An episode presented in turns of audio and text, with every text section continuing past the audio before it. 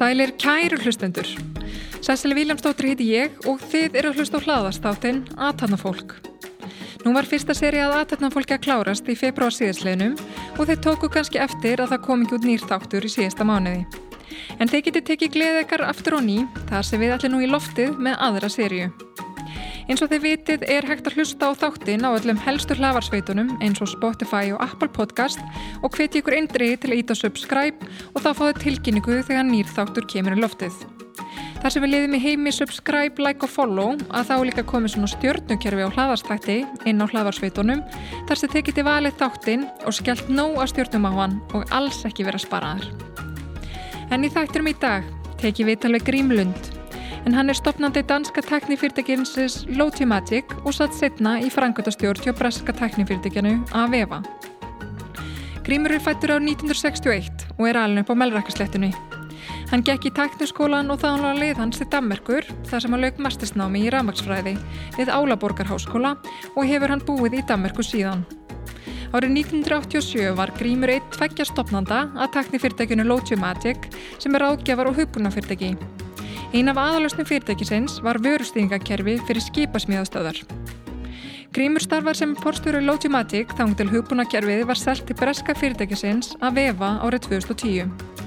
Grímur fylgdi í kjölfarið með og var í frangatastjórn að vefa sem er eitt starsta teknifyrirtæki á sviði hugbúnar í Breitlandi og skráði kaupellina í London. Grímur vann í 12 ár hjá Aveva, þar að síðustu ár sem frangatastjóri ráðgjafasviðs með um 1100 starfsmenn og velti sviðið um 20 miljardar króna. Grímur hefur nú nýlega sagt starfi sínu lausu og vinnur nú með sprótafyrirtækjum á vakstarstegi og setur í stjórnum nokkura fyrirtækja. Grímur hefur allatíð haldið mikill rækt við Ísland og dvelur jafnan á sínu bersku slóðum þar sem hann á jörð og hús. En í dag fá við heyra sögu Gríms.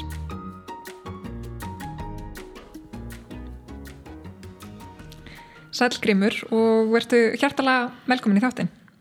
Uh, Sumu leiðis, Cecilia, og uh, gaman að sjá þig og þakkaði fyrir. Ég sagði þegar við kynstum í gæra að hérna, amma mín hétt Cecilia og hún var hérna feikilega góð kona. já, já, það fylgir allir nafninu, vil ég meina. En hérna, segð mér, hvertu alin upp og hvernig voru asku árin þín? Ég er einhverstað svona alveg hefðbundin eh, sveitastrákur Ég fættur og uppalinn hérna í miðtúni á Melrakarsléttu. Það er bær 12 eh, km á norðan við Kópasker og sjálfsagt fæstir sem hafa komið þar. Uh, uh, það var oft talað um þetta vera hjara veraldar. Móðu mín var eins og spurð af bladamanni hvernig væri að búa í hjara veraldar og hún saði ég veit það ekki að því ég bý í nafla heimsins. Uh, og þetta var svona hefðbundið lít, svona meðalstort fjárbú um 300 fjár á fóðurum og ég er yngstur af, um, af sex bræðrum uh, ólst upp og, og þar og í, í, í þessu samfélagi.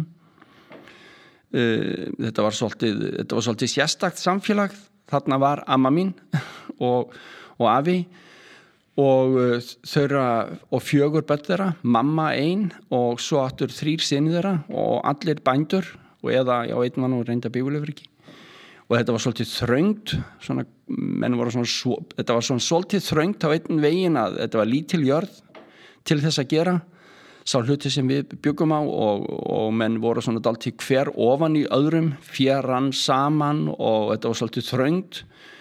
Uh, þetta voru miklir uh, af, átaka og af, afgerandi menn, skapstóri menn og, og, og þannig að það gætt stundum auðvitað þurft ofta að eh, menn þurft að finna leiðir til þess að vera þarna allir í, í friði það tókst mjög vel uh, og, og gerðu þetta það líka verkum að ég var alltaf innan um mörg önnu börn þó að þetta væri eins og ég segja hjara veraldar, það var, það var þarna líf og, og mikið af fólki mm -hmm. Hvernig varst þú sem barn og úlingur? Hvað hafður þau fyrir stafni?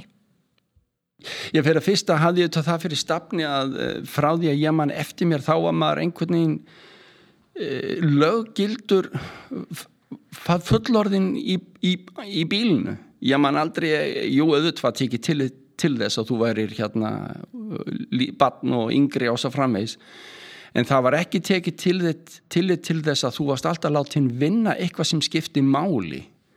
Ég gekk í öll vörk með pappa mínum það gengur sögur af því að það gegnur alltaf mikið á í, í húsinu heima með sex síni og þeir voru allir saman gladværir og allir vildu tala og það var oft sagt að við varum óþægir og svona. Mamma saði þeim að má enginn segja að hérna síni mínu sé óþægir það fer bara alltaf fyrir þeim og þeir eru duglegir og, eh, og hérna hún klætti okkur í og sendi okkur svo út og svo fór öll hala strólan og eftir pappa. Ég segi þetta, þetta passa nú ekki, ekki alveg því við vorum ekki jafn, gamlir. Við vorum allir saman á eftir pappa og með pappa allan daginn einhverstaðar í, í verkum sem skiptu máli.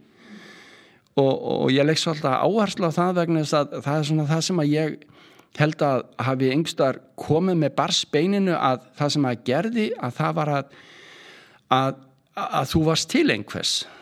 Auðvitað voru við líka leikokkur, það er ekki það það var ekki alltaf skildur, en það voru mörg skilduverk og þú vissir líka það sem þú gerðir að það skipti máli fyrir, fyrir, hérna, fyrir búið og þú varst óbeint auðvitað að skapa uh, tekjur auðvitað fritt vinnuaflegin sem það segir fyrir búið. Já, já, og þetta mótaði mig örglega miklu leiti Hmm, svona vinnu semin en, en hérna síðan leikur leiði nú hérna til Reykjavíkur og þú ferði í uh, tekniskólan, ekki satt? Jó. Hvað kom til að þú ákvæmst að fara hangað? Uh, ég held að hreinskilni, ég hreinskilni sagt vera tilviljun ég var þarna eh, fóruð til gegnum barnaskóla og þá hann væri nú bara 12 km burtu þá var það heimavist, þannig var það á þeim tíma og svo þegar ég er búin með, búin með, búin með, með hérna, sagt, minn, mitt bandaskóla próf og, og þá er ég þá einhvern veginn, mér langaði ekki í almenna mentaskóla ég eh, ég vissi raunin ekki alveg hvað ég ætlaði að fara að læra. Uh, en einhvers konar yðna, verða einhvers konar yðnaðamadur líklegast. Uh, bróðum mér var bífjölavirki og mér dætti í huga verða bífjölavirki annar bróðum mér var trésmiður og svona en mér, mér langaði að mest að fara í rafvirkjun og ákvaða svona kannski að fara þá leið e, bróði minn og, og mákana voru farin til Keflavíkur, fólk sem ég, þau, ég hefði búið hjá þeim áður og þau voru komið til Keflavíkur og ég höfði sem ég fer bara til Keflavíkur hérna í hérna, fjölbærtaskóla Suðunesja fer þar í eitt ár og, og kannski aðeins móta með mér hvað ég ætla að fara að gera setna. Ég fór til Keflavíkur og var þar og skemmti mér í eitt ár og ég segi stundum að það er skemmtilegast ár sem ég lifað, skólinn var léttur og, og hérna ég er 17 ára og, og ég held ég nú aðalega verið að skemmta mér. Mm. En samt uh, og hérna skriðum til gerningun og stila bjór frá hérna bandaríska hernum og svona og þá var til að bróðum minn saði við með hættu þessu að ég þá kemst ekki til bandaríkinu þú verður fullorðin en, en að grínist left um, svo er það að þegar ég er búin með hérna fjölbætskóla Suðunesja þá og, þá og ætla að reyna að komast á samning sem rafvirki. Þetta er þarna í lok 70 og það var ómult að komast á samning. Ég hafði engin sambönd og annað slikt og þá kemur til mín ljómandi kennari og hann segir svona grímur, akkur ferði ekki í tekniskólan og ég saði svona, ég veit það ekki. Kannski gera það bara, saði ég. Já, ég held að þetta er að fara í tekniskólan sagði, þú fari í teknifræði og það svona það var eins og eins og vakna hjá mér svona, já byttu við get ég vorðið teknifræðingur ég er það? Það var mikið lagt, móðum ég laði mikið upp úr því að pappi líka þetta að við bræður skildum allir saman þar í eitthvað nám. Og það var ekkit sjálf gefið þarna svona á þessu svæði endilega, mm. gerði margir en alls ekki allir. Mm. en þau gerði mikið úr því að þið þurfa að fara í eitthvað nám en endilega fara í teknifræði og, og það far, fannst mér einhverstað var, var eitthvað svona í hyllingum mm. nema það ég segi jú og ég fer þá í hérna í, hérna í undirbúningsdeild og raungarænadeild og, og fór og bjó í, í kjallarherbyggi hérna nýra klesveg hjá bróðum mínum og um, og hafði gaman að því lærði alveg stanslust, það var erfitt hundarfitt, fyrir mér allavega mm. Uh, og hérna því rauninni tekur hérna stúdensprófi raungrænin þarna á, á þreymur árum það er tveimur árum í rauninni e, þannig að ég loka mig niður, þarna niður í kjallara á Klesvegi og las frá mótn til kvölds og var í skólanum, gerði lítið annað mm.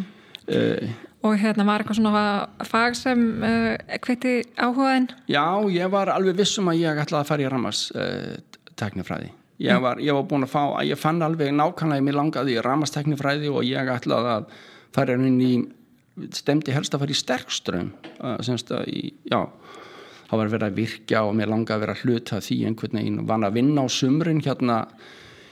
Það gerði það þegar ég menn í vartekniskólunum var ég að frændi minn kom mér inn og ég var að vinna á sumrin í, hérna, í Strömsvík þá líka á Ramagsverstaðinu þannig að ég var alveg vissum að ég ætlaði Ramagsteknifræði e, og það er nú svona eins og byrjunin á þessu öllu saman Síðan ferði til Álaborgar og, og nefnir þar Ramagsverfræði við Álaborgar háskóla Hvað kom til að þú fórst til Danmarkur?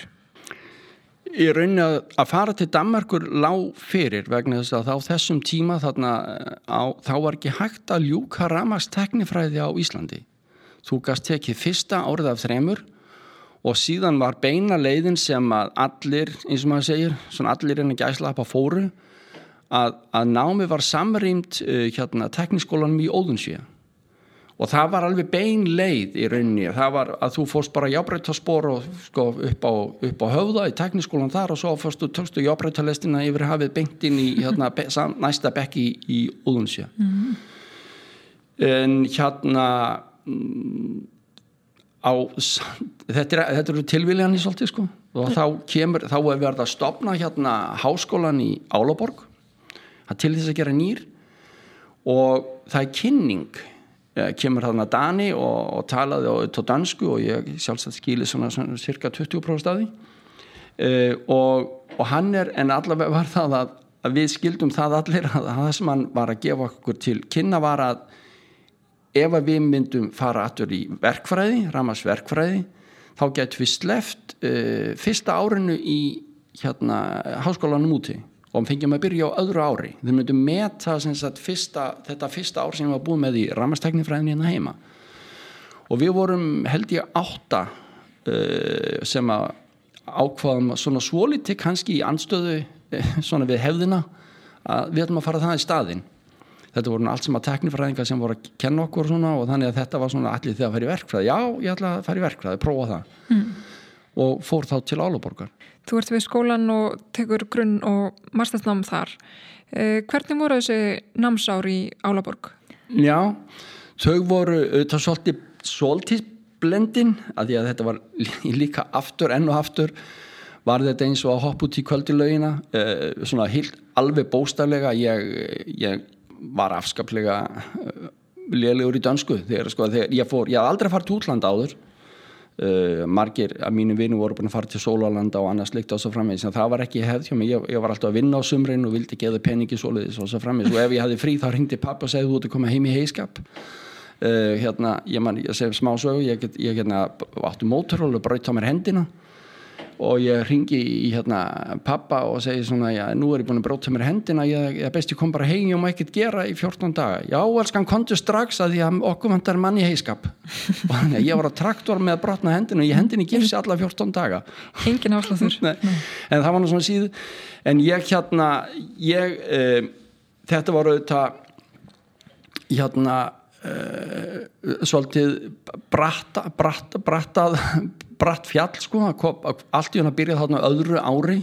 Þannig að auðvitað þurfti að sinna náminu mikið. En að samanskapi var þetta líka afskaplega gaman.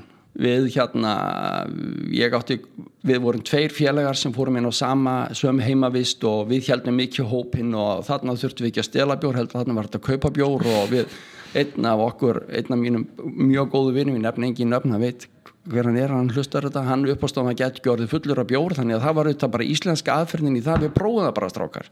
Og, og það tókst. Sveimið þá. En eh, hérna, og það voru mjög góð, að jafnu mjög góð ár, ég var eh, feikilega metnaðfullur, ég, ég, engstað fannst ég svona innst með mér að ég var, að, ég var komin komin á topp og ná to hærri topp en ég hafði nokkuð tíma dottið í hug að fá þarna masterskráði verkfræði og gekk bara vel og, og, og eins og ég segi og vera þarna í Danmarku meðal, meðal bæði íslendinga. Ég var, auðvitað, og, ég var alltaf komir óta mig fram, ég var formaður Íslandingafélagsins og ég var að kafi öllu og þetta var, þetta var skemmtilegur, skemmtilegur tími. Mm. Greinar alveg líka verið mikið í hérna félagslífinu með námi mm. eh, en síðan eftir hérna mastersnámið, hvað er svona þitt fyrsta starf? Ég, það gerist nú það meðan ég er í náminu að, að, eh, að það var alltaf að tala með um að grímu fer heim fyrstur af öllum að ég, ég var svona mjög íslenskur í mér uh, gekk oft í lopapeisu og svona, ég segi það nú ekki en svona og hérna, en það gerist nú það að ég kynnist koninu minni aldanskri, Efu Larsen. Ég kynntist henni hérna meðan á seinast ári. Hún er þá í, í hérna í hagfræði. Og uh, hún uh, og ég ákvað þá að, að hérna vita hvað ég get ekki fengið vinn í Danmarku og kannski bara eins og ég segi, ég var nú ekki náma 25 ára mér lág ekkit á endilega æða heim og ég svona hugsa, við prófum þetta, ég prófa bara að sjá hvað gerist, bæði hvort ástinn heldur og hvort ég fæ eitthvað að gera. Þannig að ég eh, sótt um starf niður á hérna, skipasmíðastöð í Álaborg sem var þá mjög uh, stór og voru að smíða hérna, stór farþegarflutningaskip og ég fer þangað í viðtal og uh, sá sem að ræður mig hann talar í klukkutíma og ég komst ekki að og svo spyr hann undir lok viltu vinnuna? Ég sagði já, já er þetta ekki bara fint sagði ég. Jú, ég komst að það setni, ég held að ekki aðra sótum en hérna, en þetta er svona dæmum það að mamma ekki vann með það og mamma, ég held að stundum að menn séu of svona strategískir í hvað er rétt og ránd á hans að vita hvað er hínu megi við veggin sko. Mm. þetta gerði það verkum að mitt lífrunni snérist var það því sem að við komum að setna sko. mm. að því þar kynntist ég þarna sá sem að reyði mig var hérna sá yfirmaður minn hann kemur svo til mín tveimur árun setna og segir hérna Grímur ég er að fara að stopna fyrirtæki viltu koma með mér og stopna fyrirtæki hann eh, ég spurða hann aldrei að því hann er því miður eh, er ekki meðalokka lengur og, og fekk krabba minn og dó ungur eða ungur með hálsjötúr og hann regnast aldrei svon og ég held einhverstaðar að hann svona eh, tók mig til sín. Uh, svona núna fekk hann loksins svona verkfræði svon uh, held ég. Og hann tók mig mjög til sín. En hann gerir það verkum að hann spyr mig þarna viltu koma með? Að ég ætla að fara að stopna fyrirtæki Logimatic í 87 og ég var alveg viss um það að, að ég var með að ég vildi vera með. Og saði svona ég áttu auðvitað engan pening við vorum þá við Eva erum nýbúin að kaupa hús og vorum með lána eins og bara allt fólk sem er að koma sér fyrir, ég átti engan lausan pening. Og ég segi svona, ég á engan pening, nei nei en ég gerði það líka jáfnframt mjög skýrt að ég vil verða hlutafi og eignast í fyrirtækinu. Ég, er, ég get unni hérna 1-2-3 ár en ég þarf að fá mikinn hlut í fyrirtækinu og ég vil gera það mínu fyrirtæki setna meir. Og hann var með á því og það gerir það verkum að ég sem sagt fer inn í þá og stopna þá með stopnanda Logimatic 87 sem að er alveg vendipunktur svona einhver staðar. Já, akkurat og við förum nú betur í gegnum þetta. En, en hver var eiginlega hugmyndin að fyrirtekinu í byrjun? Hún er í reyni einföld Um, það var fyrirsjámanlegt að Danir pólitíst ætluð að loka skipasmiðinaði. Skipasmiðinar var í, svona, hérna, í heimskreppu og er skipasmiðastöðar sem að uh, eh, livðu af, þær fengu stuðning, ríkstuðning og það er ekki hefði í Danmarku að styðja undir, uh, undir þess konar yðnað og Danmarku var á þeim tíma að flytja sig frá því að vera, eh, sem maður segir hérna, svona í í skipasmiðið innaði og í annars þess konar heavy, heavy industry yfir í þekkingafyrirtæki. Og það var fyrir sjámanlegt að, eh, að, að, að þessi skipasmiðastöð myndi ekki hafa það af.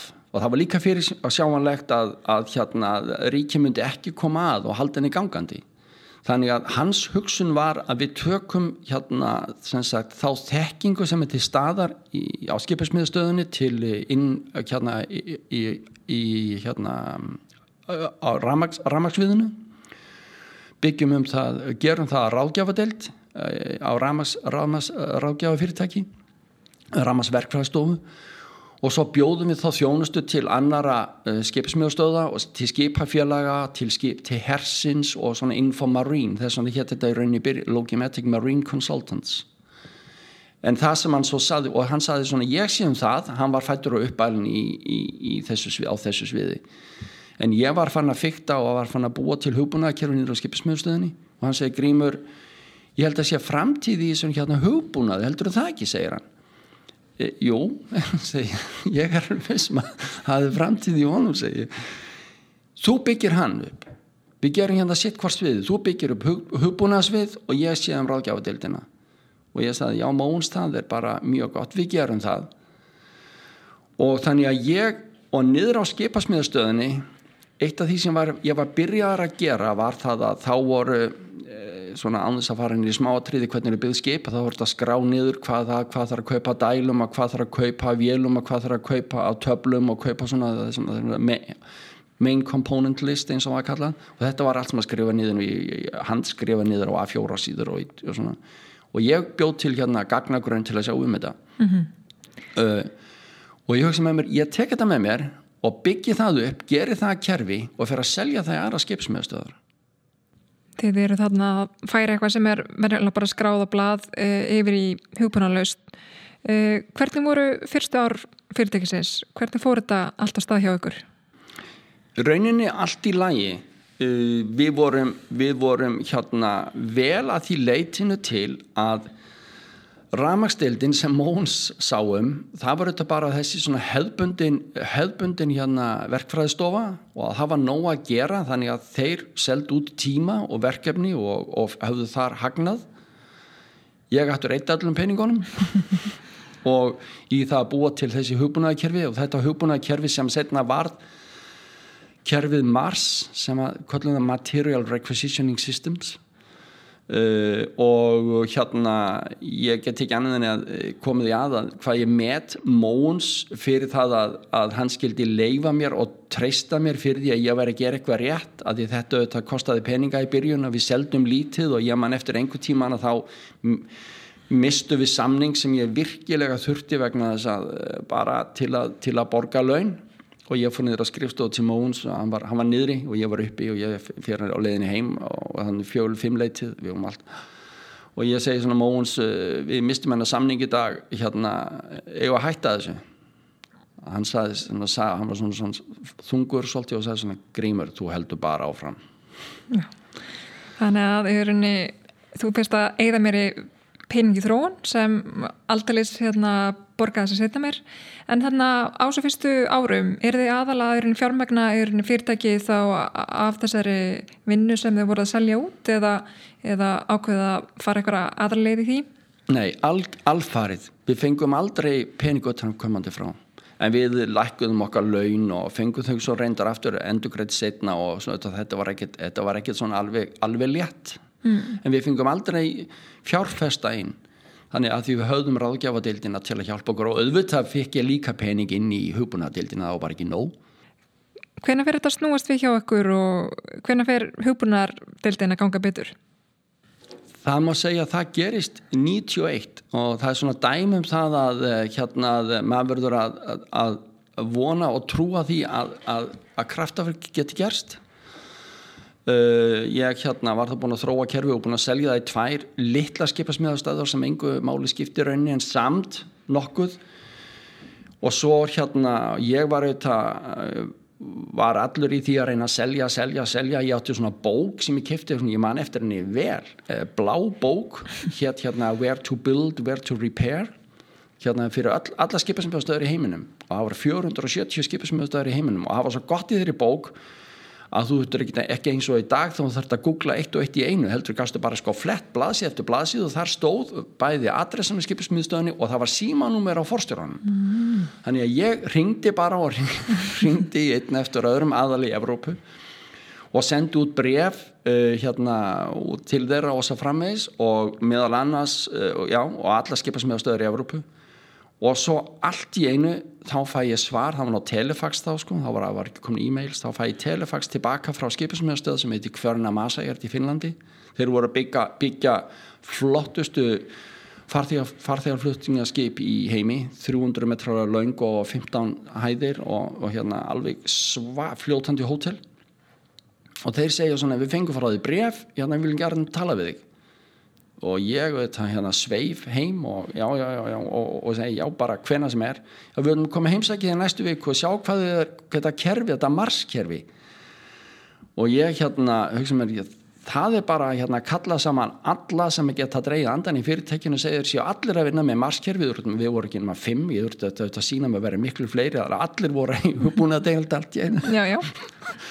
Og hnóða saman glærum, þetta var fyrir powerpoint og svo frums og hnóða saman glærum og, og tekna og ég var með þetta undirbjóð þetta og svaf ekki í fleiri sólaringar til að vera tilbúin þegar komu. Og hérna gott starfsfólk sem að vand dag og nótt að búa til hérna mock-up af skjá, skjámyndum og öru slíku sko þetta var, sko, þetta var mission impossible algjörlega. En þeir koma þarna og um, og fóru frá okkur að hérna vongóður von og segðu ekki þetta gekk bara vel straukar þið eru bara með þetta og bara, þið eru bara með þetta. Ég, við viljum endilega fá okkur til aftur að bjóða þér hérna grímur þú kemur til hérna að heimsækja okkur hérna eftir tvær vikur og þá köllum við saman alla starfs hérna, yfirmenna og þá þurft að sína, sína kerfið. Og rauninni hvað snýrist kerfið um á þessum tímbúti í rauninni þessum marslust? Það er í rauninni að geta skilgreint eh, alla þá svona höfuð hluti sem þurft að kaupa inn fyrir, skip, fyrir, hérna, fyrir skipin til að byggja skipin Uh, að, að kaupa þá inn, innkaupastýring taka mótið þeim, skráða á inn á lager geta hérna, tengja þá við tekningarnar og, og, og, og framlegslu stýring er þeim hátt að þannig sko þegar að, þegar að þarf að skila þeim yfir í, yfir í hérna, skipi til að fara að, að hérna, eh, hérna, installera þá og svo framvegis að þá er það að ferða líka í gegnum ferli og stýra því ferli. Og ég þarf að segja smá sögu en hvernig, hvernig, sko, hvernig stundum er ég er alveg vissum það að það eru einhverstaðar einhverjir á bakvið mann sem að hjálpa manni. Og ég ferði þarna til Finnlands og ég vissi að þetta var hérna, að, hérna þetta var must. Ég varð að fá hana samning. Og ég fer til Finnlands með fyrstu svona, það var ekki laptop það var yfir köllum hérna saumavélina þetta var svona, svona, svona, svona saumavél, fer með þetta til Finnlands og stillin upp og svo er hérna svo er þarna, fer ég inn í þarna sal og þar þarna er þetta 20-30 yfirmenn og ég er það svona eins og þann var og sveittur og svona og ég byrja að tala og útskýra og svo allar fara að starta tölfunni og það gerist ekki neitt alveg eins og ekki neitt. Og ég hérna og þeir farað út þekkir það sko þá kemur svona kurr í hópin og menn fara já og fyrir sem er út að piss og aðra nátt sér í kaffi og svona. Og ég sem er þetta bara gerist ekki sagði ég sko, ég veist með sálega við, það er eitthvað. Og ég, svo fer hann að segja þarna yfirmaðurinn sem að hafi kallað saman hópin segja, já, Grímur, heyrðu þú verður bara að koma setna og þið ert búin að gera við tölvuna. Ég, ég, ég veit alveg hvað setna er. Setna er að það er aldrei. Þú færði ekkert svona möguleik aftur sko.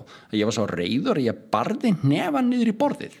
Ég sagði, ég, ég ætla ekki að segja hérna ég veist alveg hvað ég hef sagt. Hérna, ég, ég barði nefna niður í, og hvað, það gerist bara ekki. Og þá byrjar talvan að snúast þá var brotíðinni móðarbortið móðarbortið var brotíðinni þannig að það einhverja luta vegna vegna að ég barði í borðið þá tengdist það og ég sagði bara strákaði kom ekki nálegt þessu borði hérna. Bara ekki reyfa það, ekki koma nálegt þessu.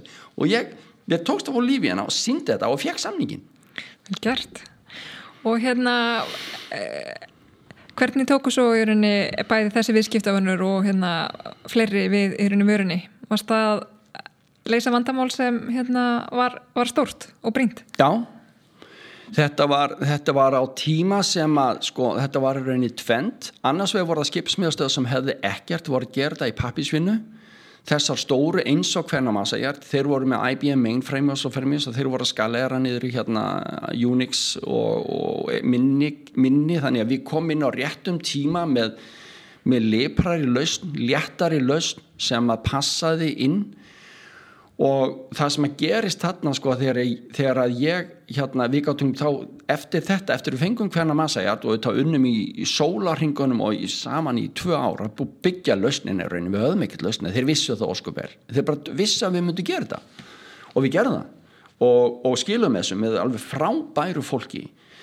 Og hérna en og eftir við fengum þennan samning þá þurfti ég enga, engar glæ ég sagði bara við erum að hvernig ég er að nota kerfið okkar. Þá sagðu hína skipismiðastöðunar allar og við viljum gerna fá okkur í heimsókn. Þetta var svona lighthouse, þetta var, sko, þetta var, svona, þetta var alveg, þeir voru the cream of the cream mm. í hérna í, í Evrópu. Mm þannig að ég er ekki að segja að verið dansa á rósum en það er svona opnaði heiminn sko.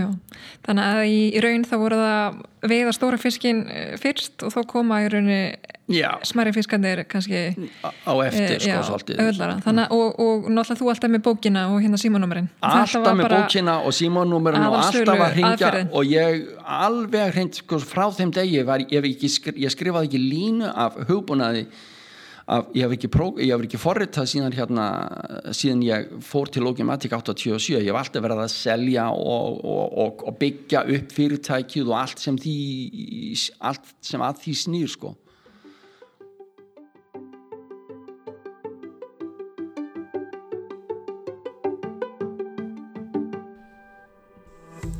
Ég ger hér stuttli á þættinum og flyt ykkur skilaboð frá glæni um kosturnaðala En það er ekki annar en Æsland er, þjóðarstólt okkar Íslandinga. Mér langar að vekja aðtekla á því að fyrirtæki geta gert samning við Æsland er og fá þá fyrirtækin svo kallan ferðarákjafa sem getur annast öll ferðamál fyrir starfsmenn fyrirtækisins. Þetta fyrirkomalag flýtir og hagraðir fyrir öll fyrirtæki. Og aftur að viðtælunu.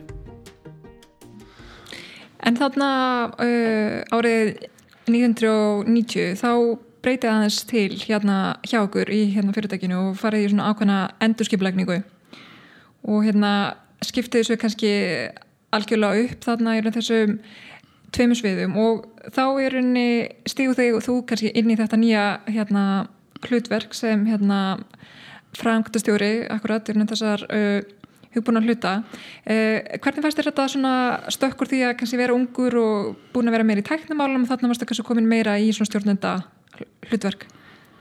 Það var bara uh, það var bara eins og faru vinstri vasa í hæri vasa, var, ég var búin að vera í þessu, það, það, þetta var bara reyni bara til að struktúra fyrirtæki ég var búin að vera, ég var búin að ráða allt fólki hvað sem er mm. og, og hérna, auðvitað var það svona meira bent á mig, ég var svona meira yfir, það var svona, ég auðvitað meiri meiri ábyrð en í raunni var það lítið skrefi sjálfum sér. Ég, var, ég, var, ég sá mig sjá, sá sjálfa mig sem, sem, sem, sem óbeinar forstjóra yfir þessu yfir því sviði hvað sem er sko. Mm. þannig að það var í raunni lítið skref. Uh, það sem að gera svo að þú setna mér auðvitað eins og maður segir að mikið vil, vil meira að ég hérna, byggði svo tvö önnur kerfi líka svona fleet management lausn fyrir hérna skipafjölög Já, svona flótalöst, já. Flottalösn og svo, og svo raunni byggi ég ekki þriðjakirfi heldur ég kaup, við kaupum hérna svona startup uh, sem að voru með svona warehouse management lagastýrikerfi, svona warehouse management. Já, svona vörustýri vöruhúsa vöruhúsa stýringu, já. heitir þetta vist á íslensku Já, þeir voru tveir og uh, ég var alveg klára því að þetta voru hörku góði strákar en hérna þeir vildu fá um, svona, þeir vildu nefnilega hafa hínaleðina, hafa svona hérna safety net undir sér og svo framins og framins þannig ég sagði við borgum launin ykkur við tökum, tökum ábreyðina við hún fá helmingina fyrirtekinu mm. og, uh, og uh, Þarna voru þið komni með þessar þrjár hupunar vörur og gátið alltaf nýtt sömu dreifingaleðina ekki satt? Mm, bæðu og, nei. Nei, raunni ekki, við gáttum nota það svona, við gáttum, þetta auðvitað við notum það sem Logimatics sem, sem svona e, e, eina yfirskrift þegar vorum að ná okkur í fólk og til fyrir þekking og drefa þekkingu en þetta voru þrýr mismunandi markaður þannig við rákum þetta raunni sem þrjú mismunandi þrjár deldir, anskildar deldir þegar það komað sölu og markasfærslu og öðru slíku. En við þetta nutum mjög góðs að því að að þetta voru allt saman eh, kerfisfræðingar, verkfræðingar, forriterar og svona þetta sama fólki sko. Og notum það töf, svolítið, svolítið á viksl en ég raunni voru þetta þrjú, þrjár deildir ég, sem ég sá um en ég eitti mestu tímanum í marskerfið það var lang, lang stæðist Og á þessum tíma þá eru það náttúrulega að selja vöruna um allan heim. Alveg allan heim. Uh, og ég vissi það að um, sko Eitt var það að, að hafa skipismiðustöðar og, og selja í Evrópu sem við gerðum með alla Evrópu. En ég vissi líka að eh, ef við ætlum að koma að þessu hækka vergildi vörnar eins og maður segir, gera okkur já, more attractive, þá þurftum við að ná einhverjum hérna, fá einhverjum skipismöðustöður í Asíu, þegar skipin eru mest serjuskip og eru sko byggði í Asíu. Þannig að þetta er á tímanu sem að allt er að blómstra í Kína Að, og það var erfitt að komast inn í Japan og Kóri því þeir, eru, þeir voru sko með sín kerfi og erfitt að komast inn í og þeir, þeir voru sko orðnir svona nánast á undan okkur eru með sín einn kerfi þessar stóru Kawasaki og svo framvist skipnum við Imabari og þetta eru svaka stöðar sem við vorum með sín einn kerfi. En Kína var að byggja upp sín skipsmiðin og hérna þannig að ég ákvaða eða við ákvaðum á stjórnin og ég að við skildum fara að að byggja upp og að koma okkur inn í Kína með okkar kerfi og nota það sem footprint fyrir Asíu með. Og ég, ég man eftir henni, ég sagði svona stjórnafundi strákar, ég tekka mig Kína vegna að ég hérna er ekki að ég, ég hérna, þá voru ég koma sölumenn fyrir Evrópu og annað, að ég er ekki að selja svo mikið Evrópu til að halda momentum á því sem við erum að svona er kaskáð í fyrirtækinu. Þá skal ég fara til Kína því að ég bara kostnaði hvað sem er þannig að ég hérna og ég man eftir í að þetta er, svona, þetta er á tímabilinu frá 2006 2005 til 2009 eitthvað svolítið, ég man eftir að einu svona leiðinni heim. Af þessum ótalferðinu þá voru ég að fór ég svona hvað er sem að fóra aftur Kína? Og fyrir fletti ég gangum stimplan og taldi ég 54 stimpla í, í vegabræðunum mínu. Og var ég búin að ég, fór, ég, var, ég pendlaði alveg hreint sko til Kína. Og hérna Hvernig var að vera svona mikið á farans uh, fæti? Já, það var hérna og það er þau tabætstu ég fór líka til bandaríkjana og á þessum tíma fengum við feikilana stóra samlingu bandaríkjana við bandaríska herrskipasmið uh, það var orðin svona hlutja mínu lífi. Ég var bara svo hell, ég var svo upptekinn af þessu. Ég var, svo, ég var bara eitt með fyrirtækinu. Og ég hérna, svo er þetta má alls ekki gleymi þess ég nátti að segja, segja fyrr sko að, að þetta verður ekki verið hægt uh, þetta ekki verið hægt nema því ég á konu sem að leifði mér að gera þetta. Uh, sko við eignumst tvö börna á þessum tíma og ég, ég reyndi nú að vera eitthvað í kringu þau og, og jújú og sinnaði því að ég var heima á svo framveg en það er engin vafa því hver sáum heimilið og Eva var að vinna líka þannig að það var nóg að gera og ég var og þau voru hægt að spurja sko pappi hvert að fara og svo framvegs og ég hérna þetta, þetta, þetta verður bara svona þetta, e, þetta, þetta verður heimur sem er svolítið erfitt að setja aðra inn í. En ég vissi að ég hefði gaman að því að ég hefði svakalega gaman að þessu og ég það sá að var, fyrirtækja var að stakka það var að vera að bæta við starfsfólki við höfðum ljómandi ákomu uh, við unnum þarna þrísvar entrepreneur of the year í, hérna, í, í, í okkar svæði og, og nómineraður til lands hérna, til, fyrir alla Danmarku og, og, og það var að fara að tala um Danmarku, nei, um Logimatic sem svona sko eitt af þessum nýju hérna við hérna, fyrirtækjum hérna, í, í Álaborg og svo nætti aðrar að gera og þetta var, þetta var, það var mikill fókus á þessu og, og, og hafa gaman að þessu. Og svo þetta bara er það, eða, eða, allavega fyrir mér ef þetta það, að láta svona gerast þá ert ekkit þú ert ekkit, gera það ekkit hálft sko, annarkvæmt ferðu eins og ég saði aldrei út í djúpilögina og ert þar bara og, og ef þú getur fengið, ef þú ert búin að reyna að fá fund með e, yfirmönnum einhverja hérna, skipismiðastöður eða, eða, hérna, eða einhverja corporate hérna, union, corporate hérna, e, kalla í, e, í Kínarda organizeraði hérna, í tvö, tvö svona governmental bodies. Og ef þú getur reynd að fá fund með þeim og það tekur langa tíma og svo, svo segir þeir geta komið að funda á miðugdægin og þá þýðir ekkit að segja nei ég kemst ekki að það er barnaamali það, það, mm. það bara er ekkit svoleiðis. Mm -hmm þá eru bara fresta barnaðamölni eða bara þú bara Já, þá þarf maður bara hopp upp í flugvel Já, hopp upp í flugvel Akkurat, en uh, hvernig fannst þér að stunda viðskipti í Asju? Fannst þér þetta mikið öðruvísi? Já, það er nú svolítið öðruvísi sko. Það er svolítið öðruvísi, sérstaklega Kína. Ég hef gert mikið líka viðskipti í bæði Malasi og Singapur og í og, og annar staðar í Asju það fyrir eftir hvar er í Asju, já, það er nú svolítið öðruvísi það svolítið, það tekur lengri tíma.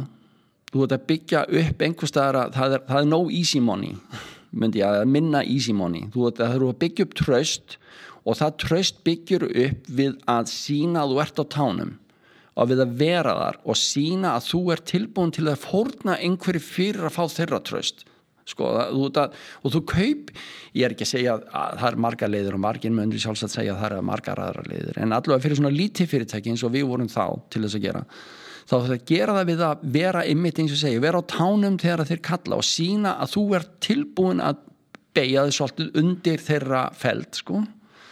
Að þeir eru, þeir eru stóra eru stóra kallanir þannig að það er svolítið örvísi og svo er það svona um, það er ja, tekur, það, það er svona fleiri hindranir myndi ég að kalla það. Síðan gengur vel með mars hugbáralustana ykkar og, og það dreyður til tíenda og, og það nálgast ykkur stórt fyrirtæki sem vil kaupa lustina Getur sagt okkur aðeins frá því ferli?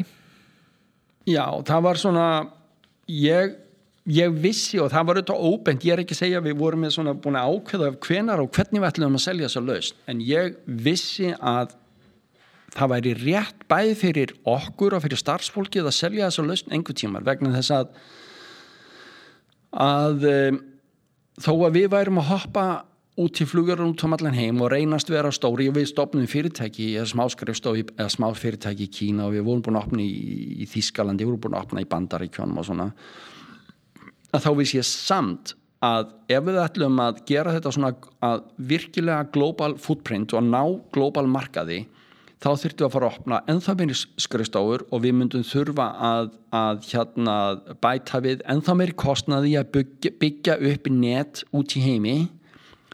Þar þau ekki vissi að líka við þurftum að fara að endurskrifa forritið, það var skrifað í þeim tíma í Oracle Forms, þetta var Oracle Platform og þetta var hérna Oracle Forms.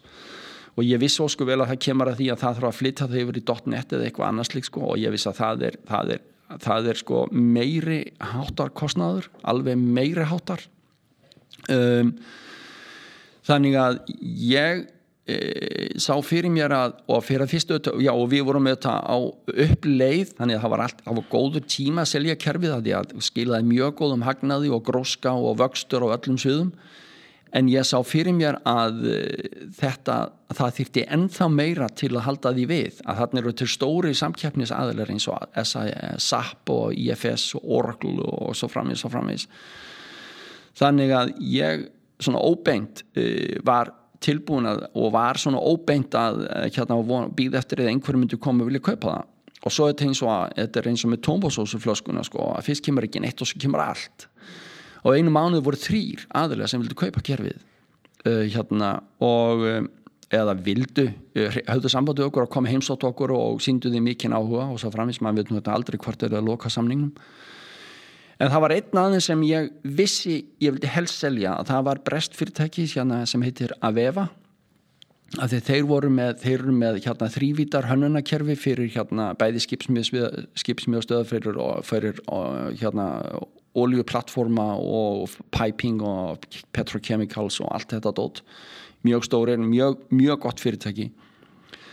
Og hinn er tveir vissi ég innast inni að þeir myndu kaupa kerfi til að loka því og taka okkar notendur sko. ég, þeir voru samkeppnisaðilar og, ég, og þeir ætlaði að fara að nota þetta best of both og ég veit að það er rubbish. Og sko, þú blandar ekki tveimur hugbúna að kerfum, það er annað sem tekur vinningin og svo getur þú kannski nota einhverja þekkingur hínu þetta að þú haldir að þú takir hérna miljónir af, af, hérna, af forritunarkóða og blandir því eitthvað í best of both það er, það er bara uh, bullshit.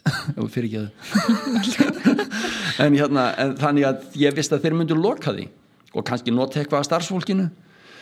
En hérna en þessir að vefa höfðu bara einfallega ekkert svona laus og hún passaði alveg akkurat inn, inn fyrir þá og þar að ekki var ég búin að kynast þessum fólki. Þegar vorum að ferðast á hittust við í barnum og hótelum í flugöllum og svona, er þú að fara að selja þessum? Já, þeir voru þó þess, þeir voru að selja sína lausning sem voru þetta 10, 15, sinum, 20 sinum dýrar en okkar, þannig ég þekkt þessa kalla. Og stundum þeir voru, þeir maður búin að fá sér nómargan bjór, þá voru eitthvað sem sagði, byrjuður að segja, auðvitað líka að kaupa ykkur einhvern tíman, já, já, þið getur bara að prófa það. Og hérna, þannig mér kom svo sem ekkert á óvart. Og þá er það að ringti mig þarna? Mikill vinnu minn. En núna, hann ringir í mig hérna og hann er svona eins og ég að hlutin þurfa að gera stratt og það er, það er líka að koma beint á hlutunum og hann ringir í mig, hér grím ég er að hitta þig. Ég er að fara í gegnum köpmanöfn, ég er að koma frá Dubai og ég er að hitta þig í köpmanöfn á þriðu daginn eh, klukkan, klukkan tvö. Uh, og ég er að tala um þessum samvinum marskerfið. Uh, ekki málið, sagði ég. Og við erum að hittast hérna á Hilton hotellinu og þú verður hérna nýður í lobbyinu og ég sagði ekki málið ég kem þar inn og, og þar sittur hann í sófanum hérna, og, og, og við setjum nýður og hann segir svona já já hvernig gengur? Ég segi gengur fínt. Og svona smá eitthvað svona hilsast og svona smá svona já já. Og ég segi hva, hva, hvernig hvað, hvað, þessi samvinna um marskerfi hvað gengur hún út á? E, já ég kem bara beint efnin og við viljum gera það að vita hvað þið getur kifta það. Sagði ég fínt hvað vil ég borga? Sagði ég og svona, þetta svona ná, var nákvæmlega svona. Við vorum vissum sko, ég sagði það hefur engan tilgang að fara að eyða eh, hérna fleiri vikum mánum í pappisinu þið viti nákvæmlega hverju við erum. Við vorum búin að selja í sömu hérna fyrirtækjum voru búin að tengja fyrirtæki kerfin saman, það er viss alveg hvað við gátum hvað við gátum ekki. Mm og ég, hann, það, ég nefndi einhverja tölu sem var allt og há og hann var litla og sagði við erum bara, bara hittst maður miðunni já, og svo nokna eins og fikk hann aðeins að svona ekki alveg miðunni og lokum því þar. Svo þetta tók sex mánuð að loka samningum þannig að fara gegn í due diligence og allt þetta dót. Mm -hmm. en svo sagði hann nefnilega við mig þá til ákemur að þá segir hann það er einn hængur á sann nú hvað það, þú verður að koma með. Þið voru að selja veru út úr fyrirtekinu en ekki allt fyrirtekið og þú þurftur að fara með Það má kannski koma fram að, að uh, fyrir þetta þá varst þú orðin forstöru alls fyrirtækisins og varst búin að vera alveg frá 2004 og Aveva er akkurat eitt af stærsti teknifyrirtækjum Breitlands og er skráð í kaupillinni í London. En uh, hvernig var þetta stökk fyrir þig? Þetta er náttúrulega tölvert starra fyrirtæki. Alltaf sé ekki bara svona svip eins og að flytja heimann fyrst skipti býstu því, svolítið sko að ég var auðvitað búin að vera svona í svolítið svona protected uh, hérna umhverfi hérna vermduð umhverfi hérna í, í, þetta var mitt fyrirtæki, það er enginn sem kemur og segir við eigandan að, að hérna inn á hotskrifstónu að sko ég vil endur að taka fyrir þínu stóla því að þú ert, þú gerir það illa og eitthvað svona, þú ert svona, þú ert svona vermduð aður svolítið og allt í hennu var ég komin þarna og, og það var það líka það sem ég fannst orðið svolítið sko, ég má ekki segja leiðanlít ég veit ekki hvað ég kalla, mér langaði bara að prófa eitthvað meira og, og taka skrefinu meira og vita hvort ég gæti staði mig meðal alltjóða fyrirtækis og væri ekki bara að það væri að því að ég væri átti, var búin að byggja upp Logimatic og engið þorði að segja annað en ég væri duglegur og góður og allt það og vitur en mér langaði að vita allir það standist ef maður hérna, testar það meðal, meðal annara og, og það var feikilega gaman. Ég, mér fannst bóstalins ég saði hérna með kona mín hérna eftir, ég finnst ég bara hafa yngstum fimm ár á hérna einum degi. Allt í einu var ég bara alveg komin á tætnari frá því að vera svona, svona eitthvað svona að þetta hlutinni endur tók sér sjálfkrafa þá var ég fann að fara að snemma á fætur ég var að undirbúa mig, ég var alveg á tánum ég var hérna, sko ég var alveg, ég var alveg svitstón að ég ætlaði að, ég ætlaði að, að ná að sína og sanna fyrir aðalega fyrir sjálfur mér að ég hérna, að ég gæti alveg verið þarna í, í þeirra leðtóka hóp og og það leiði ekkert á laungu þá er ég komin að, að ég fluttur upp á executive team og, og fær stærri og stærri eh, svið, verksvið eh, fæ alla teknideildina og, og, og það er ég hefði ég, hvað ég að segja, ég hefði aldrei vilja missa því tækifæri. Þetta, það, það, það var alveg einstök, einstakt ferðalag sem byrjaði 2010, alveg einstakt og einhver staðar sem auðvitað var eh, ef það var einhver staðar en mér ef mér fannst að fjalli veri hátt að vera verða að, að ljúka mín námi og byggja Logimatic þá var þetta tindur sem ég hafði enga megin í ímynda mér að ég myndi verða. Þetta er, og svo þetta þarna eru miklar miklir mikið afla á bakvið. Það er þetta að bullanda peningum. Þeir græða alveg hint á tá á fingri. Það er verið að kaupa fyrirtæki það er ráði fólk, það er vöxtur það er opnað skrifstofur. Það eru hérna menn e, það var bara allt í sko allt í henni þetta er eins og fer bara hérna í, í annað veldi sko. Mm -hmm. Svona en næstu deil kannski fyrir ofan einhvern veginn. Já eða, eða tvær deildi fyrir ofan.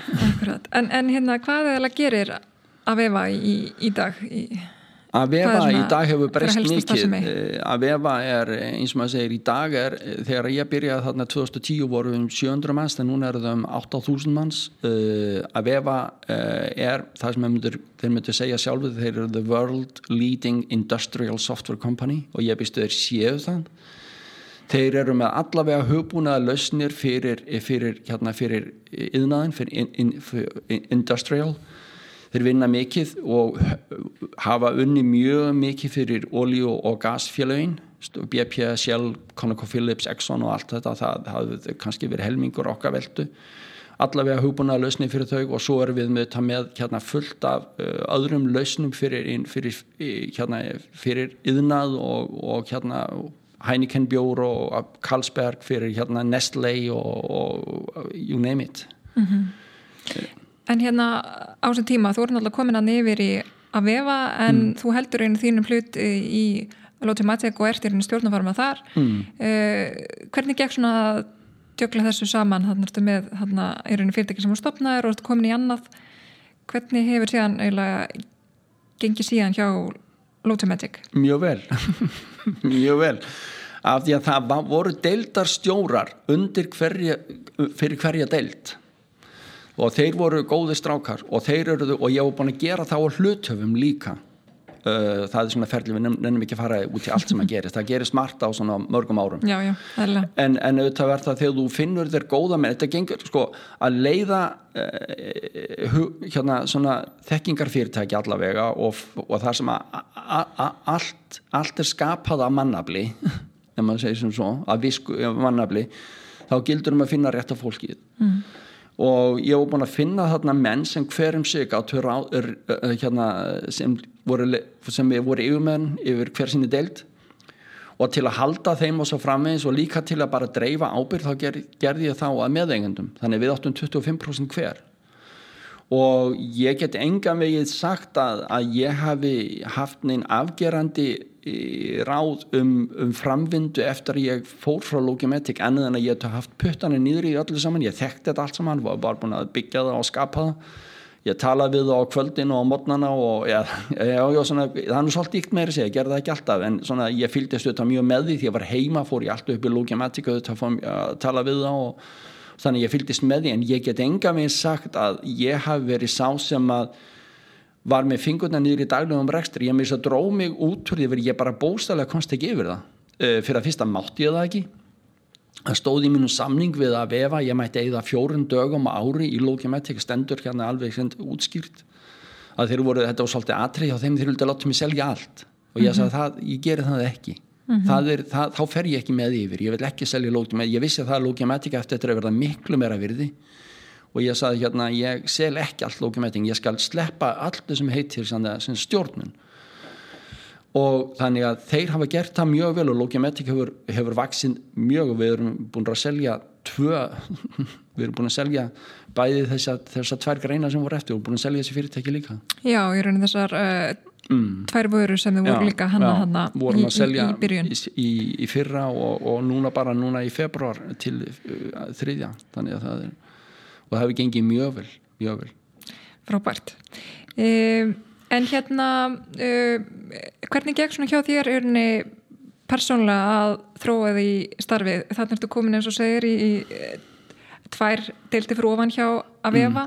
Hvað er svona gerður eru til að þróskast í, í, í starfi og bæta þig og, og kannski vaksin í það hlutverk sem var til að þeir allast?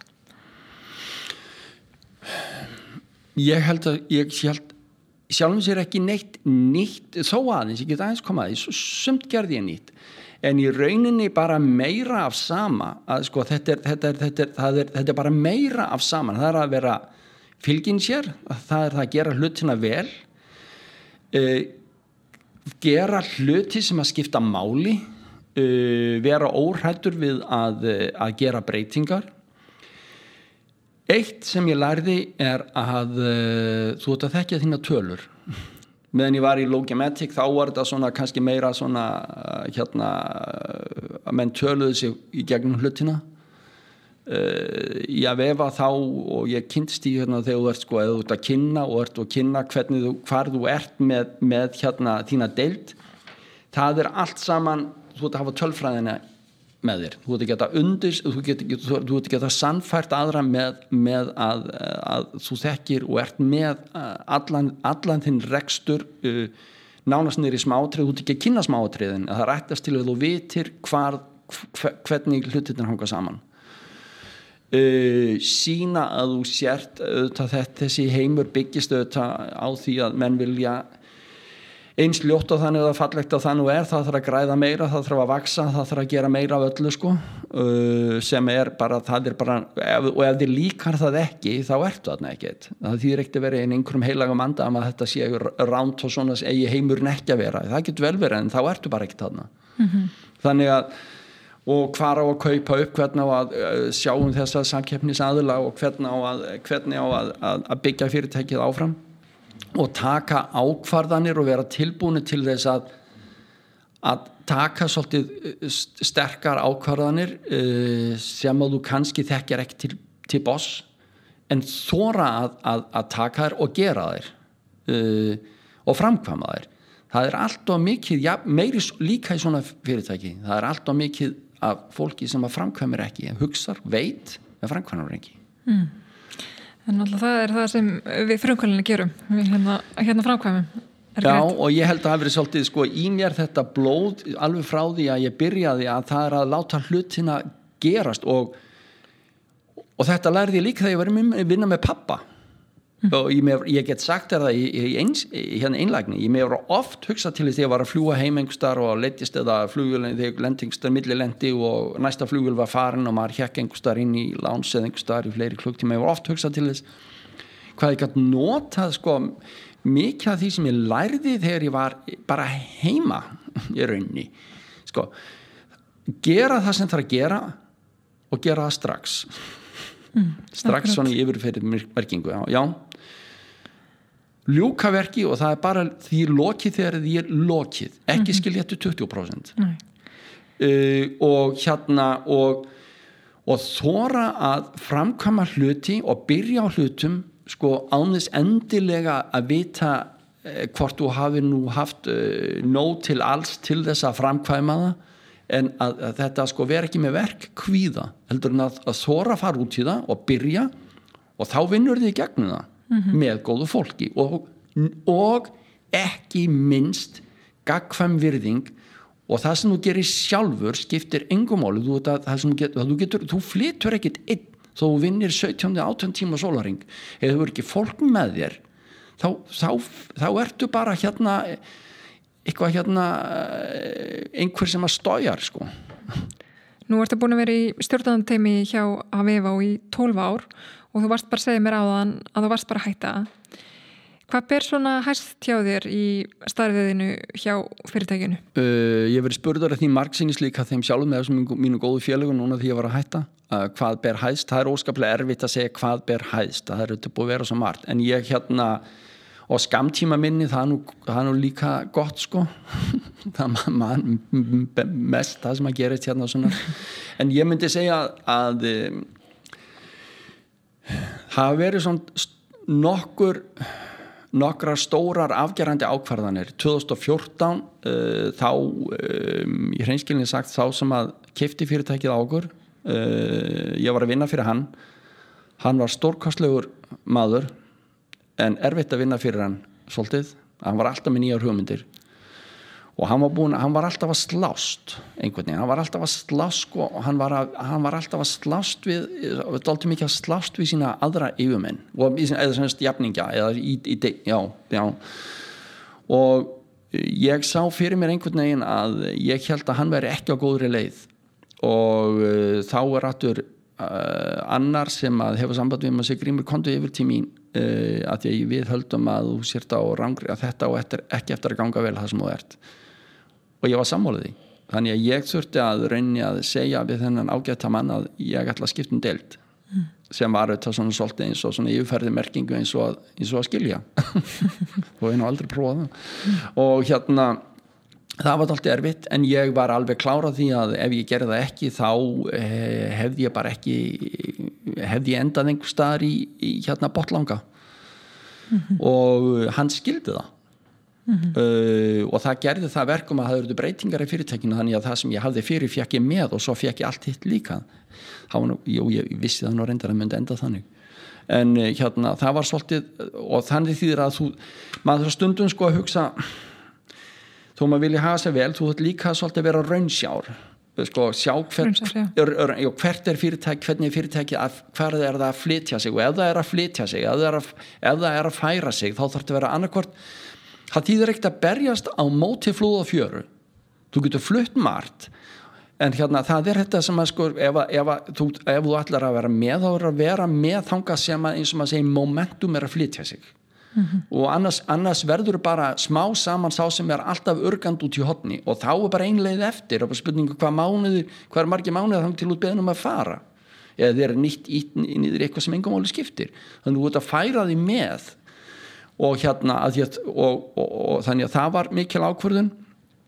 Um, í 2018 þá kaupum við hérna hugbúnaðadildina frá, frá Snyder Electric uh, og þá uh, næri þrefaldast fyrirtækist í stærð. Og þá þetta uh, byrjar svona stóladans sko, það er alltaf það er hérna, það er alltaf, það eru allt saman mjög gott, þeir eru verið að kynna fyrir starfsmönnum sko hvað, hvað það sé gott við að kaupa hana fyrirtæki. Og svo er, það, svo er það alltaf síðasti punkturinn á slætinu og svo er það synergies Mm. Já, og við vitum allir hvað það er. eru áhrif já, og, og, og, hverju verður eftir og hverju fara. Hverju verður eftir og hvar á að spara. Já, og eru við með tvo eins. Og svona þannig að og það, þetta voru mjög góður menn sem að koma yfir og ég var svo sem ekkert viss um hvort að ég myndi hérna vinna þann eh, slag eða slag eða já já. Nema það að ég, mér verður svo bóðið að halda áfram og, og ég fekk þá sem sagt allt sem að hétt allt allt consulting, alla consulting-deldina sem var þá 1100 manns og rétt um 120 miljón pund í veldu um, um, hvað er það, 20 miljardar uh, um út um allan heim og það var mikill pakki. Og ég hérna segja og mér var spegð, ertu tilbúin í handgrímur? Hann var, hann var hérna þá sem var deputy CEO sem var minn yfirmaður, hann segi svona ertu tilbúin í, þann, í það grímur, ég sagði já ég er tilbúin í það, ég tek það að mér sagði og hérna, ég veit ekki þetta, sagði ég. Já, já, hann vissi að já, ég veit líka hvað getur það en þetta verður ekkit létt, sagði hann. Nei, nei. Og hérna og það sem, er, það sem að þarf að gera er það að við erum að, eins og vanalega við erum að, þetta vinnur ágætlega þessi deild en við græðum allt og lítið í henni. Við erum ekki hérna með svona 20%, 20 gross margin, þú ert að koma því upp í minnstakost 28 og ég fór hérna aftur að vinna og hafði alveg að því. Ég var alveg hérna, hérna, upptekina ég skildi náð því og enn og aftur byrja ef ég hafði einhver tíma ferðast áður þá tók nú tappan úr. Ég var hérna sko í 2020 eða rétt fyrir COVID þá held ég heldur með 180 ferðardaga ég var alltaf út um allan heima heimsækja viðskiptavinni og, og hérna skrifstofnar og, og hagfæra, lagfæra og ráða fólk og, og svona breyta og svona. Og hafði alveg svakalega gaman að ég sá árangurinn. Ég kom inn upp í 32% Framleið? Já, Já framleið. Og eh, hvernig gerður það? Voru það, það eitthvað var, svona strategísk ákveðin? Já, einfalda struktúrin. Það var bara, það var ekki, það var ekki, það var ekki nóg einföldin í þetta og menn voru, menn voru ekki klárir á því hver átt að gera hvað og hver hafði ábyrð á hvaða sviði. Það var allavega eitt alveg líkilatriði að einfalda, einfaldaði mjög sko struktúrin. Uh, svo uh, hækkaði ég gerði ég það, já það var ímislegt að það var sko sölumennir, þeir réðu og, og miklu í, á, á hvað verði, hérna consulting var seld, ég breytti þannig að ég var með inn í það ég gat, þurfti að það þurfti að fá sign off hjá mér sko og í mínum mönnum. Eða, já og mínu deild áður var seld, þannig við gáttum og við vorum bara einfallega að selja og billega við vorum bara, sko eins og ég sagði við það sko, okkar consulting deild er svo besta í heimi við erum betri en Accenture og við erum betri en Cognizant og allir þessi IBM og svo akkur er við að diskanta þetta í, í, meðan við það, við, okkar fólk eru alveg 100% hævar en allt þeirra fólk. Og akkur eru við að diskanta þetta? Og þannig við bara hreinlega hækkum líka verð. Svo settum við hérna strángari hérna svona, þetta er þetta, þetta gengur um að endurtaka, geta endur tekið þannig þú sett með meira svona predikti, hérna þannig þú vitir hvað næsta verkefni býður upp á sko. þannig að það minni, minni óð, færri, færri breytur færri óþektar breytur sko, og gera meiri endurtekningu og allt þetta og ímislegt annað. Svona strömlínulaga vörun og þjónstuna Nú eru ákveðin tímamót eins og þú sagði mig frá áðan og þú ert að hætta í þessu stóru starfi. Hvað er grímur eiginlega að fara að gera? Ég hérna saði hérna ég er í rehab saði ég Nei, ég sagði veit um daginn, hvernig, hvernig heldur þetta hvernig hérna, hefur það, ég veit það ekki það ég. Allir þetta sé ekki bara eins maður með að væri hérna búin að vera göttinu og komin í rehab saði ég, ég er bara svona átta með á því hvað er að gerast. Nei, ég veit ekki, ég, ég, hérna ég er að, sko þetta er búin að vera ferli. Þetta er búin að vera ferli, ég vissi með sjálfum mér fyrir tveimur árum að, að þér er svona 60-62 uh, þá myndi ég, vilja, myndi ég vilja gera eitthvað annað? Ég er ekki að hætta að vinna. Ég er ekki að fara eftirlaun eða neitt svoleiðis, ég er ekki að hætta að vinna. Ég vil bara fara að gera eitthvað annað. Þar sem ég hef meiri frítíma gert meira í hreinskilni eins og hérna vinnum minn saði, gera meira því sem ég hafa gaman að þetta er ekki allt sama gaman, þetta verður sko og gera og og og eigða næstu 10-15 árum að mínu ferli í, í eitthvað sem er er annað en, en þess að hérna, end, endalust hérna, sko meira og ég veit alveg hvað býður mm -hmm. og hérna og, og líka bara til, til dæmis þessi endalusi ferðalög þau eru þó að fólk haldi þetta sé gaman og svona og það er það þetta er það en maður verður líka svona samdöina þessu þú verður sko, þú verður, þetta er, þetta er svona hamstrahjól sem þú lendir inn í og þú áttar þig ekki að vera leikann, þú verður bara samdöina þessu mm. og hérna og og, og það er eins og að það, það er eins og að segja það er heimur fyrir utan sem þú skinjar ekki alveg sko. Uh, og, og hérna ég veit ekki, ég verð ekki töl á því hvað ég hef oft uh, sagt sko, já við skulum fara í golf þennan dag við skulum fara út að borða þetta, við erum að fara í ferðarlega þetta og svo veit ég einst inn ég þarf að aðmelda allt saman, að ég er aldrei heima. Mm. eða, eða, eða eitthvað sko. Þannig að og ef að var lungu hægt að spurja hvenar þú ert heima ef hún ætlaði að bjóða einhverjum heimsan við sjáum bara til hvort hann er heima mm. og þetta er þetta ekkit þetta gengur ekki endalöð sko. Þetta, og, og þú vilt ekki heldur gagvart hvorki gagvart þínum eða sjálfum þér. Mm -hmm. og, og það er enginn sem stoppar þig og þú stoppar ekki sjálfur. Þannig að ég hérna svo kom COVID og nú ekki allt, allt bölvað við COVID og ég prófaði semst að vera heima. Ég hefði nú geta kannski beðum eitthvað minna að það var svona alveg hreint eins og að keira inn í vegg eins og við veitum öll mm. en samt var ég alveg klára því að þegar að COVID-ið er opnar þá ætla ég ekki að byrja á því að, að fara aftur inn í hamstrahjólið. Þannig að ég byrjaði raunin að segja þeim hérna, í, hérna fyrir árið síðan að ég um, ég ætla að þegar opnar þá vil ég hleypa nýjum mönnum að. Hlut að þessu líka er að við erum allir saman að, að hérna, við þurfum, þurfum að gera hérna, succession planning eins og að kalla hvætri hérna, að eftir eh, hver getur tekið við að þér. Mm -hmm. við þurfum að gera það allt saman inn í okkar hérna á, á, allir þurfum að gera svoleiðis. Hver, hver getur tekið við að þér eða kemur ekki að skrifstuna á morgun þú veist hver, svona, já. En það þýðir ekkert að vera svoleiðis og vera með þessi hérna, starfsmanna viðtöl og segja þú getur gert þetta og þín framaðar leið er svona svona svona eða þú hleypar þeim aldrei að og ég var komið hérna fullt af góðu fólki. Og, og hérna það voru minnstu kostið þrýr sem að gáttu nákvæmlega tekið við að mér. Og þeir voru á besta aldri þannig svona liðlega 50 og ef ég hef ekki látið þá komast að þá verður bara farið eitthvað annað. Þannig að og, fyrir, og hérna ég held bara fyrir, gott fyrir fyrirtæki að fá þannig e, nýja menn sem eru tilbúinir að, að, að hérna fara inn í hjólið eins og ég var. Og hérna og að samaskapi langar mig að fara að gera eitthvað, eitthvað annað. Og ég er svona að vinna í því en samt veit ég, mér langar að vinna með eh, hérna ungu fólki. Það eru ekki endilega, já, ungu með fólk sem er yngra en ég fólk sem er að þetta er svona þessi hérna entrepreneurial. Ég, ég er mjög upptekinn af því. Ég er mjög skaman að finna, vinna með fólki eins og tíma að, að, hérna, já, að vinna, koma hérna inn í grósku og vera hérna og sjá, sjá hvað yðar hér af sko, mm -hmm. yðar af hugmyndum, yðar af og fullt af fólki sem, sem er svolítið svona næv en ekki en það er bara hérna, þetta er svo ég er gaman að vinna svolítið með svolítið ég hef verið að kaupa mig inn í sprótafyrirtæki eða svona scale-ups fyrirtæki, ég er gaman að vinna því og þá vinn ég dýpra með þeim. Kannski komur inn í tvær, þrjár uh, stjórnir hjá fyrirtækjum sem hefðu getur nota svona þessi alltjóða sín sem ég er með og þetta það sem ég er búin að vera að gera.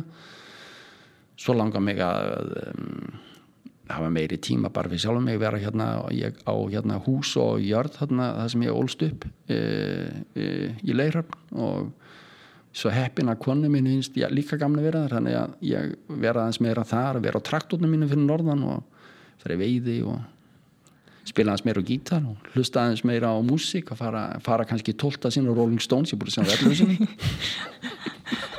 Það var alveg gott og, og, og, og njóta og vinna í rauninni spennandi verkunum náttúrulega áfram eins og þú hefur svo sem alltaf gert.